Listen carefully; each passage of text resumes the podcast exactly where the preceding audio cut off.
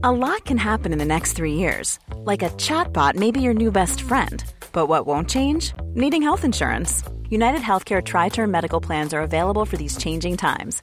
Underwritten by Golden Rule Insurance Company, they offer budget friendly, flexible coverage for people who are in between jobs or missed open enrollment. The plans last nearly three years in some states, with access to a nationwide network of doctors and hospitals. So, for whatever tomorrow brings, United Healthcare Tri Term Medical Plans may be for you. Learn more at uh1.com.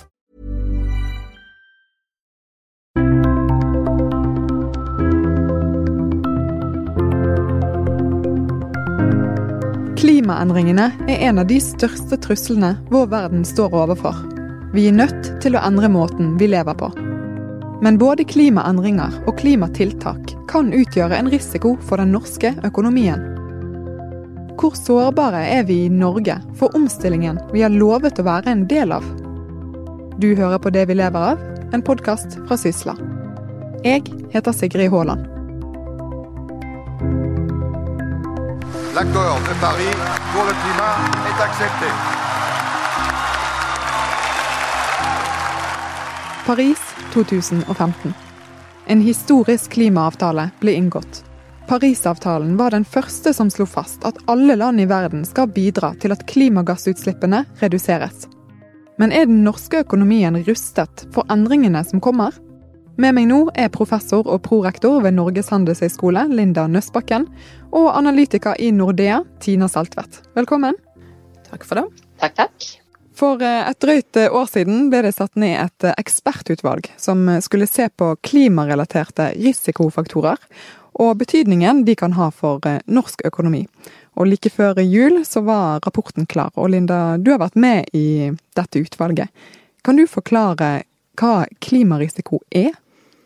Uh, ja, um, det bør jeg jo kunne forklare, da. Um, sånn som vi har Vi har brukt en del tid og plass i rapporten på å prøve å rydde opp i begrepet her, for vi fant at det var, det var god grunn til å gjøre nettopp det. Men det vi har gjort, er å dele det egentlig i to. Så vi snakker om fysisk klimarisiko. Så er den, klima, den risikoen som er knytta til at miljøet endrer seg, de fysiske endringene i miljøet og konsekvensene av det. Og så snakker vi om en overgangsrisiko. Så er risikoen knyttet til de konsekvensene klimapolitikken har, og teknologisk eh, utvikling som kommer når vi går over til et eh, lågutslippssamfunn. Så det er liksom den todelinga. Men så er det da vanskelig ofte fordi de, de henger litt i sammen. Så det, det, er kanskje vanskelig å skille hva er, hva er det ene og hva er det andre. Men det er iallfall den, den vi har brukt i gjennom vår eh, rapport. Hva dere har kommet fram til i rapporten, det skal vi komme tilbake til. Men Tina, kan du si litt om når vi faktisk begynte å snakke om klimarisiko? Ja, jeg tror at det som virkelig var en øyeåpner for svært mange, i hvert fall i eh, finansnæringen, det var når sentralbanksjefen i Storbritannia Eh, Mark Carney han kom ut med en, eh, en, eh, tale som het 'Breaking the Tragedy of the Horizon' i september 2015. Hvor han påpekte at, at klimaendringene kan, kan, i verste fall bidra til å skape ustabilitet i det finansielle systemet, i samme grad som altså finanskrisen hadde gjort. Og Det er jo klart at det, det, jo, det skapte jo virkelig eh, oppmerksomhet rundt dette temaet i, i markedet. Og jeg tror nok Det var kanskje utgangspunktet, selv om det sikkert har vært diskusjon om det lenge før det. Så tror jeg virkelig det satte det på agendaen. Så til eh, denne rapporten, da, Linda. Hva er det dere egentlig har kommet fram til her? Altså, hvilke, hvilke klimaendringer og tiltak er det som utgjør den største trusselen mot den norske økonomien? Så det er litt vanskelig å svare på det. Ehm, det er kanskje derfor vi bruker veldig mange sider på å gå gjennom eh, dette. Men hvis vi tenker på det, så eh, Nå sa jeg vi har to typer klimarisiko. Vi har fysisk klimarisiko, og vi har overgangsrisiko. Og så I tillegg til det så tenker jeg at vi må se på det som påvirker Norge direkte, og det som påvirker oss indirekte, fordi vi er, vi er et lite land, og vi har en åpen økonomi som er veldig tett kobla på den globale eh, økonomien. Så, sånn sett vil jeg begynne med å si at jeg tror norsk økonomi vil bli mest påvirka av indirekte det som skjer ved at klimaet endrer seg i verden, og at klimapolitikk endrer seg, og at dette får effekter for Norge via verden. Så er det jo helt klart en god del effekter som rammer Norge eh, både positivt og negativt, for det er ikke bare negativt. Altså, så hvis det er risiko, så kan det være både oppside og nedside, skulle jeg si. Men, eh, men sånn som med med været som kanskje kan bli mer ekstremt, du får mer nedbør, det er flere flommer, det blir mer ras, eh, havnivået stiger.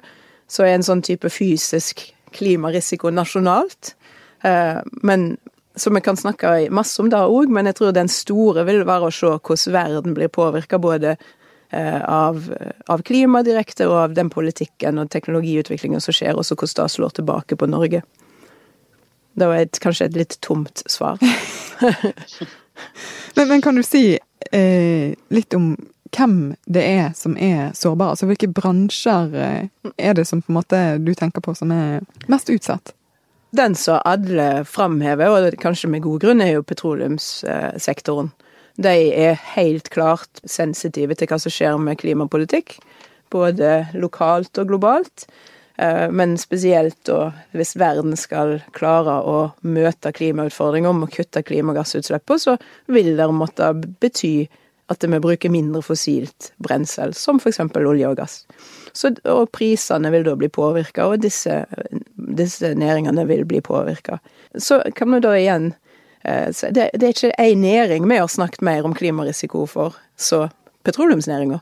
Så jeg tenker jo de er veldig godt de er godt skikka til å ta imot det, for de, de, har allerede tenkt mye på dette. Det betyr ikke at de ikke står overfor en risiko, men det betyr at de, de, ser ut til å være klar over risikoen og ta, ta det inn over seg, både når du ser på nasjonal politikk og på selskapet, hvordan de oppfører seg.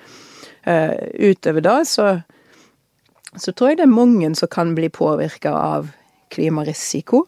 Uh, på grunn av at det kan gripe inn på så veldig mange måter. Du kan tenke på Eh, råvarepriser, f.eks. mat. Eh, hvis klimaet endrer seg i ulike regioner, verden er blitt veldig sånn spesialisert, at det er noen land som står for veldig stor andel av produksjon av ulike typer mat, f.eks. mais og sånne ting, som vi, som vi bruker faktisk som innsatsfaktorer i vår produksjon. Sånn som så de som Hvis du produserer noe vi var innom det før, f.eks. fisk, laks, så trenger du gjerne soya og mais og alt mulig som innsatsfaktorer til og med der. Sånn at det viser jo bare hvor, hvor ting henger sammen, og hvordan du, det du kanskje først tror går klar en sånn klimarisiko, kan fort bli ramma likevel. For det er så store, breie næringer og sektorer i verden som vil bli påvirka av et endra klima. Og noe som vil kunne få konsekvenser for oss alle, er jo sånn hvis du får store endringer i i en region, og de, du får trøbbel med at de får ikke nok mat, og det er tørke, og de, de, så, så, kan det sette i gang stor migrasjon. Og hvis, hvis, folk begynner å bevege seg mye, så kan det legge trøkk på, på institusjonene, definitivt der så problemet oppstår, men òg i andre deler av verden, der du får et større eh, innkommende da, migrasjon fra disse verdensdelene. Så det er masse veier dette påvirker ulike næringer og ulike deler av vår økonomi. Eh, på det korte og på lang sikt. Så derfor er det jo uendelig mye å snakke om. Men det kommer jo helt an på hva, hva som skjer. Hvor mye endrer klimaet seg. Men da er det jo den risikoen som ligger der. Så, så, er veldig spennende å, å tenke på, skulle jeg si, fordi det er, det er så vanvittig stort utfallsrom. Hei der, unnskyld at jeg forstyrrer. Mitt navn er Kristian Kofod, og jeg jobber med annonsering i Sysla. Har du lyst til å snakke direkte med flere tusen næringslivsinteresserte i hele Norge? Ta kontakt med meg på e-post christian.kofod.krøllafa.skipsted.no. Det er Christian med K, og Kofod, K-O-F-O-D, krøllalfa. Takk for tida di. Tilbake til Sigrid. Men du sier nå at det, det, er mange som eh, kan bli rammet. Hva tenker du Tina, er dette her noe folk er bevisst på? Jeg vil si at bevisstheten øker, og det har nok mye med at uh, for det første så begynner vi å se klimaendringene. De begynner å påvirke oss fysisk. Eh, og det er jo denne, dette året, eller 2018, da, et godt eksempel på. Det var jo en, eh, var jo en veldig kald eh, vinter for mange, i hvert fall i, i sør. Mye snø. Denne snøen smelta veldig raskt, så det ble jo altså, mye vann som kom. Elvene, elvene gikk over breddene ikke sant, og påvirket altså, hus, bebyggelser rundt om i Norge. Det så vi også tendenser av i, i høst. Sommeren var jo veldig varm, spesielt i Sør-Norge. Det førte til tørke, skogbranner. Eh, bøndene slet med å få nok næring og mat til dyrene. Og, denne, type, altså, denne, type, klimaendringer den var, ikke, den var vi ikke robust nok til å takle, i hvert fall uh, i den sommeren som har vært. Så det er klart at uh, ja, vi begynner definitivt å, å, bli mer observant på de endringene som, som kommer. Eh, og så ser vi at de store selskapene, altså dette her begynner å komme opp på agendaen, spesielt hos de store selskapene, så ser vi ikke bare klima i seg selv. Klima klima er nok det som det kanskje har vært de aller fleste forholder seg mest til, men det har jo bærekraft. Eh, sånn at ehm, Eh, klima er jo en del ofte av disse FNs bærekraftsmålene, og, og, det er jo noe som egentlig alle selskaper forholder, forholder seg til. Eh, vi ser mindre oppmerksomhet i de mellomstore og små selskapene. Det har nok mye med at de kanskje ikke har hatt ressurser til det, å, å, følge med på det i samme grad. Men helt klart at også mindre og mellomstore bedrifter blir jo påvirket av disse store værendringene som vi ser.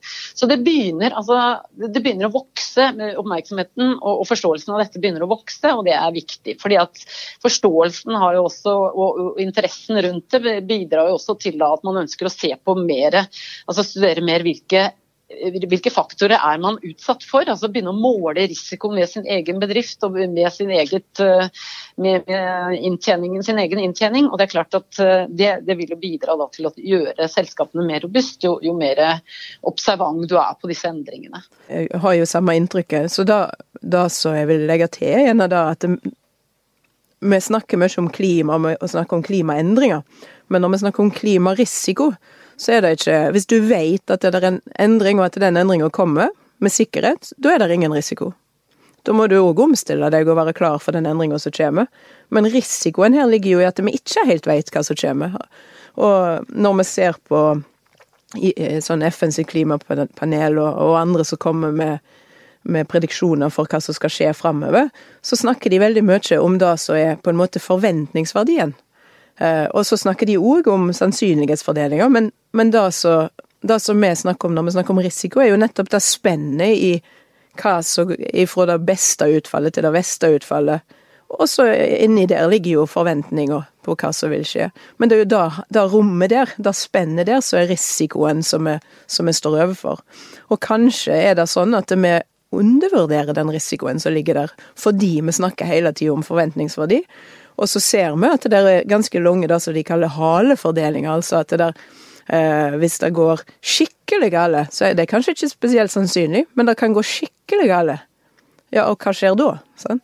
Og, og, det som vi har gjort i, i denne rapporten, er jo å snakke veldig varmt for en scenario-type tenking. At du at du må se på ja, hva, hva om det går skikkelig galt? Hvordan skal vi rigge oss da? Hva, hva ville vi gjort for å unngå dette, eller hva kan skje? Uh, og da tenker jeg er viktig om du er lite bedrift eller stor bedrift, og har tenkt gjennom. Selvsagt nett det samme med andre typer risiko de står overfor, men, uh, men å, å se på klimarisiko i et sånt perspektiv tror jeg ville vært verdifullt for de fleste. Du, du, snakker nå om på en måte de verst tenkelige scenarioene. Hvordan ser det egentlig ut? Det tror jeg ikke vi klarer helt å forestille oss. Nå har ikke jeg lyst til å bli en sånn skal si, mørke kvinne, blir det vel for meg. Men, uh, for jeg er jo grunnleggende positiv og optimist og tror vi klarer å løse de fleste utfordringene.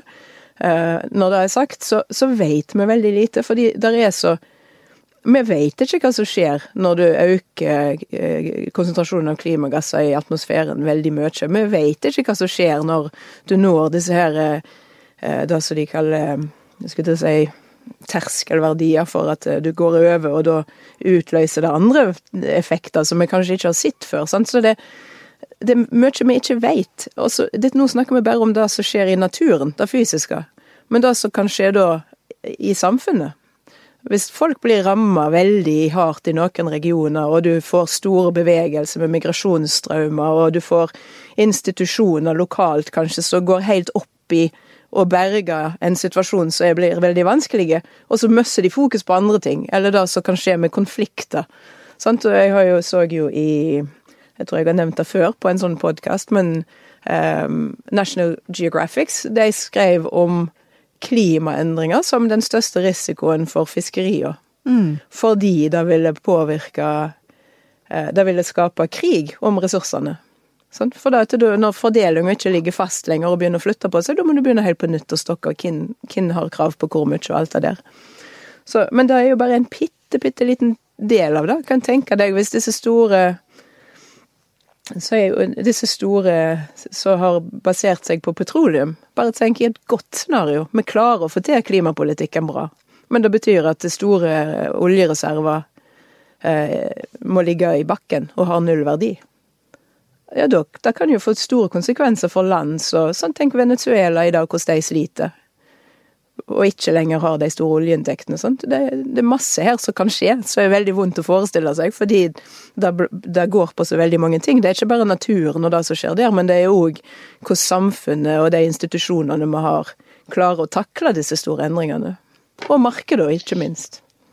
Ja, for hvis, hvis jeg tar litt opp igjen på det du sier på markedet, er jo ofte at man kan jo Altså, Man kan få disse overraskelsene også som kommer mye fortere enn man har tenkt. og det, altså I finansmarkedet så kan det bety at du har store kapitalstrømmer som raskt skifter hender. Raskt og uventet skifter hender. ikke sant? Og, og, det kan jo lede til at selskaper som, selv om de har tatt inn over seg mye av den fysiske klimarisikoen og, og tatt høyde for det i sin produksjon eller i, i, sin virke, så kan disse endringene i kapitalstrømmen likevel bidra til å, å øke risikoen som, som man da ikke kanskje hadde tatt høyde for. Nettopp fordi at uh, folks forventninger, folks uh, uh, forbruksvaner kan endre seg veldig hurtig. og det kan komme politiske beslutninger som gjør at du er nødt til å omstille deg mye raskere enn det man kanskje har tatt høyde for. Og Den type risiko den er vanskelig å måle, men man allikevel prøve å teste eller stresse inntektsstrømmene sine på. Fordi at det kan ha veldig store utslag. Så det er kanskje noe som vi håper vi har lært litt av etter finanskrisen. fordi at der tok man, altså Før finanskrisen så målte man jo ofte sannsynlighet og risiko ved ulike utslag. og Det man ofte altså inn, innordnet seg til, var da de tilfellene som hadde stor påvirkning f.eks. på inntektene, og som hadde en stor altså, sannsynlighet for at det ville skje. Det man kanskje ikke tok like stor høyde for, var at de som hadde stor påvirkning, men det var lite sannsynlighet ville, ville skje. Eh, fordi at i dag, sånn som man ser for seg ting i dag, så, så klarer ikke vi helt å forestille oss disse store endringene. Eh, vi bruker gjerne dagens ståsted og hvordan vi lever i dag til å liksom eh, predikere hva som skal skje i fremtiden. Og da klarer vi ikke ta høyde nok for da, disse store omveltningene som skjer. Og, og der bomma vi under finanskrisen. Og det gjorde jo også at det fikk store utslag. Vi var, ikke, vi var ikke klar til å ta imot de store utslagene som kom. Og så håper vi nå at vi er flinkere da når vi skal begynne å prise og se på hvordan klimarisiko skal, skal, måles og innarbeides. At man prøver å ta høyde for, for den risikoen som mindre sannsynlighet, men store utslag man er litt mer robust til å møte en sånn situasjon. Men det er kjempevanskelig.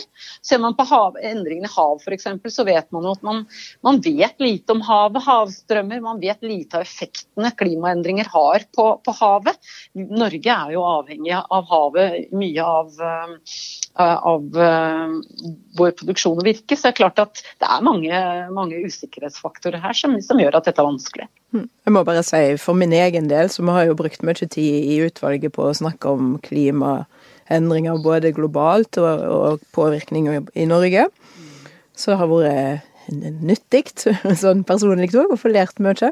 Men noe som sjokkerte meg, det var å se middelverdiene for øking i havnivået langs norskekysten, hvis du legger til grunn et det som de kaller et høyutslippsscenario. Ja. Så ikke er usannsynlig at vi kommer til å ende på. Eh, og da snakker du for Bergen og Stavanger om at middelverdien, altså for havnivået, vil øke med 50 cm før utgangen av dette 2100, i år 2100. Og det er jo ikke lenge til. Nei. Og bare tenk om du ser rundt på ja, naust og kaier og sånn, sånt, det, det vil påvirke oss. Og da, jeg tror Kostnaden av det for den norske økonomien trenger ikke være den største, altså, men, men det gjør det veldig For meg så gjorde det det veldig sånn konkret hva vi snakker om her, hvor store endringer vi snakker om når du, klarer, når du får så store effekter rett ut forbi skulle du si, stovedøra. Soveglasset etter det. Og det er jo viktig for oss nordmenn, for vi bruker jo mye av altså I motsetning til f.eks. svenskene, som sparer mange av sine penger i fond, så er jo vi nordmenn vi liker å bruke pengene våre på hus, hytter ikke sant, på, på, den type eh, investeringer. Og det er klart at Mange, mange hus og hytter ligger jo i strandregioner. Eh, og det har jo noe med mm, verdiene våre fremover. Hvis havnivåene stiger. Hvis vi bygger et hus eller hytte i dag, så venter vi at det skal vare 50 år fremover. Og det er klart at har vi, hvilken grad har vi lagt inn en, en stigning i havnivået? Det samme hvis man bygger i innlandet, men i nærheten av elver. Eh, som gjerne da får tilførsel fra smeltende snø på, på, på våren. I hvilken grad har vi tilpasset det at snøsmeltingen går fortere, eller at man får større bevegelse i elvene enn det man har fått tidligere f.eks. Det er viktig at kommuner f.eks. tar inn over seg nå når, de, når, nye, altså nye boligprosjekt skal bygges, sånn som du var også inne på dette med kaier. Hvor, hvor robuste er de i dag? Trenger vi å gjøre forsterkninger allerede i dag på dagens eh, havner for å, for å, kunne tåle dette? Det er jo viktig at man da begynner å se nøye på nå, så vi er eh, vi, vi, eh, vi slipper å få noen altså, store overraskelser om noen år. Hvor er det egentlig ansvaret ligger for å forberede seg på en sånn risiko? Er det, eh, må det skje politisk, eller er det næringsliv som må ta et tak? Det er vel begge deler. Mm. Så på da så Den type hvor, hvor, du får lov å bygge, og standarder du skal bygge etter, hvor langt vekk fra ei elv, eller hvor høyt over havet og sånt. Da må jo kommunene være påpasselige med å, å, å, sørge for at eh, ja, teknisk etat, at de gjør jobben sin. Men det finnes veldig mye god informasjon som ligger tilgjengelig. Det har jeg fått lov å se nå. Det, det ligger til på nett, så du kan gå inn og lese for fylkesvis og kommunevis hva tror du vil skje hvis når klimaet endrer seg fremover, sånn, så, sånn, som man antar. Så, så, det er mye god informasjon om risikoen som ligger der, om hvordan klimaendringer kan påvirke til og med kommunene i Norge. Eh, og så er det da å, sørge for at de tar inn over seg den type kanskje scenariotenking, at, eh, at de, de tar gode beslutninger og har gode prosesser i hver enkelt kommune, og hvor som helst, da, så du lar folk bygge noe. og at det, at det da blir gjort på en god måte. Så jeg tenker det er der da helst det ligger. Og så går det jo òg på hva får du lov å forsikre, og hvordan skal forsikring, forsikringa eh, dekke For det, det, det, er jo en bransje som vil bli påvirka av klimaendringer. Mer flommer. Eh, mer sånne type naturkatastrofer rundt om vil jo kunne gi eh, en ny hverdag for, for forsikringsselskap. Og så er det jo å, å ha gode ordninger, sånn at eh, i sum så sikrer både politikken og markedet at eh, vi tar gode beslutninger. tenker jeg. Og der kan jeg tilføre at, eh, at Forsikringsselskapene er ikke noe som vil bli påvirket, de er allerede påvirket av det. for Man ser at forsikringsutbetalinger med den type altså klimarelaterte skader har jo økt kraftig de siste ti årene. Og Som et eksempel så, jo, så var det jo et, en, et forsikringsselskap i Nord-Sverige som sa nei til å forsikre boliger som hadde brent ned etter de store skogbrannene som var i sommer, fordi at kommunen ikke Eh, hadde tatt nok, eh, altså gjorde nok tiltak til å sikre det området, området mot, mot dette at tilsvarende skulle skje igjen. Så, og Tilsvarende er jo vi i bank og finans. Eh, vi ser også nå på hvordan man kan prise risikoen med klimaendringer i utlån vi gjør. På samme måte både mot, mot næringslivet, men også privatpersoner. Eh, slik at man prøver å, å, skille mellom det som faktisk tar hensyn til klimaet, og de som ikke gjør det. Så det, Dette kommer, er på godt vei inn i finanssektoren også. Og det jobbes det iherdig med også i EU-systemet. Så, så, det skjer, det har begynt å skje mye her, og jeg tror nok vi vil komme til å se ganske mye i løpet av bare de neste par årene om hvordan dette her blir, blir tatt inn i, i finanssektoren. I denne rapporten så kom dere vel fram til at Norge er ganske godt rustet til å håndtere klimarisiko. Hvorfor er vi det? Vi er interessant nok, så vi har med en, en liten figur i rapporten som viser eh, to dimensjoner, egentlig. Eh, et land sitt tilpassingsevne, altså i hva stand i hvor, hvor, stor grad er du i stand til å tilpasse deg de endringene i klimaet som skjer, og et land sin sårbarhet eller utsatthet for klimaendringer. Eh, og Norge ligger da eh, praktisk nok best an. Sant? Vi er veldig tilpasningsdyktige, og vi er veldig lite utsatte for klimaendringer. Sånn sett så vi jo, har vi jo et meget godt utgangspunkt. Når vi legger til da at eh, og det er jo litt av grunnen her, er at vi har gode institusjoner. Vi har så takler og en god økonomi som kan omstille seg. Og i tillegg så har vi ja, så høyt utdanningsnivå, et variert næringsliv. Og så har vi et inntektsnivå som gjør at vi klarer å ta de omstillingskostnadene som kommer på veien til et lavutslippssamfunn. Så vi er jo vi er veldig godt stilte. Det, er ikke, det er derfor jeg snakket om tidligere at det, det er ikke de direkte klimaendringene vi skal være mest redde for. For vi er godt rusta til å både å klare det, men vi, vi får heller ikke så mye som så mange andre. Det er jo litt urettferdig fordelt. For de som får størst eh, påvirkning av klima, antageligvis, er jo de som ligger rundt ekvator. Og de som ligger rundt ekvator, er de som typisk har dårligst evne til å, til å takle dette, og minst å, å, gi på med når du skal omstille deg og, og komme deg over til et lavutslippssamfunn. Så ja, igjen så får vi vel bare bukke og takke for hvor vi ligger og alle ressursene vi har fått. Tusen takk for at dere eh, var med, Linda og Tina. Sjøl takk. Takk, takk. Takk for at du hørte på årets første episode av Det vi lever av. Vi blir eh, alltid glade når vi får innspill til eh, hva vi bør snakke om i podkasten. Så send meg gjerne det du har på hjertet til podkast.sysla.no. Det er altså podkast med K. Produsent er Henrik Svanevik. Jeg heter Sigrid Haaland, og vi er snart tilbake med en ny episode.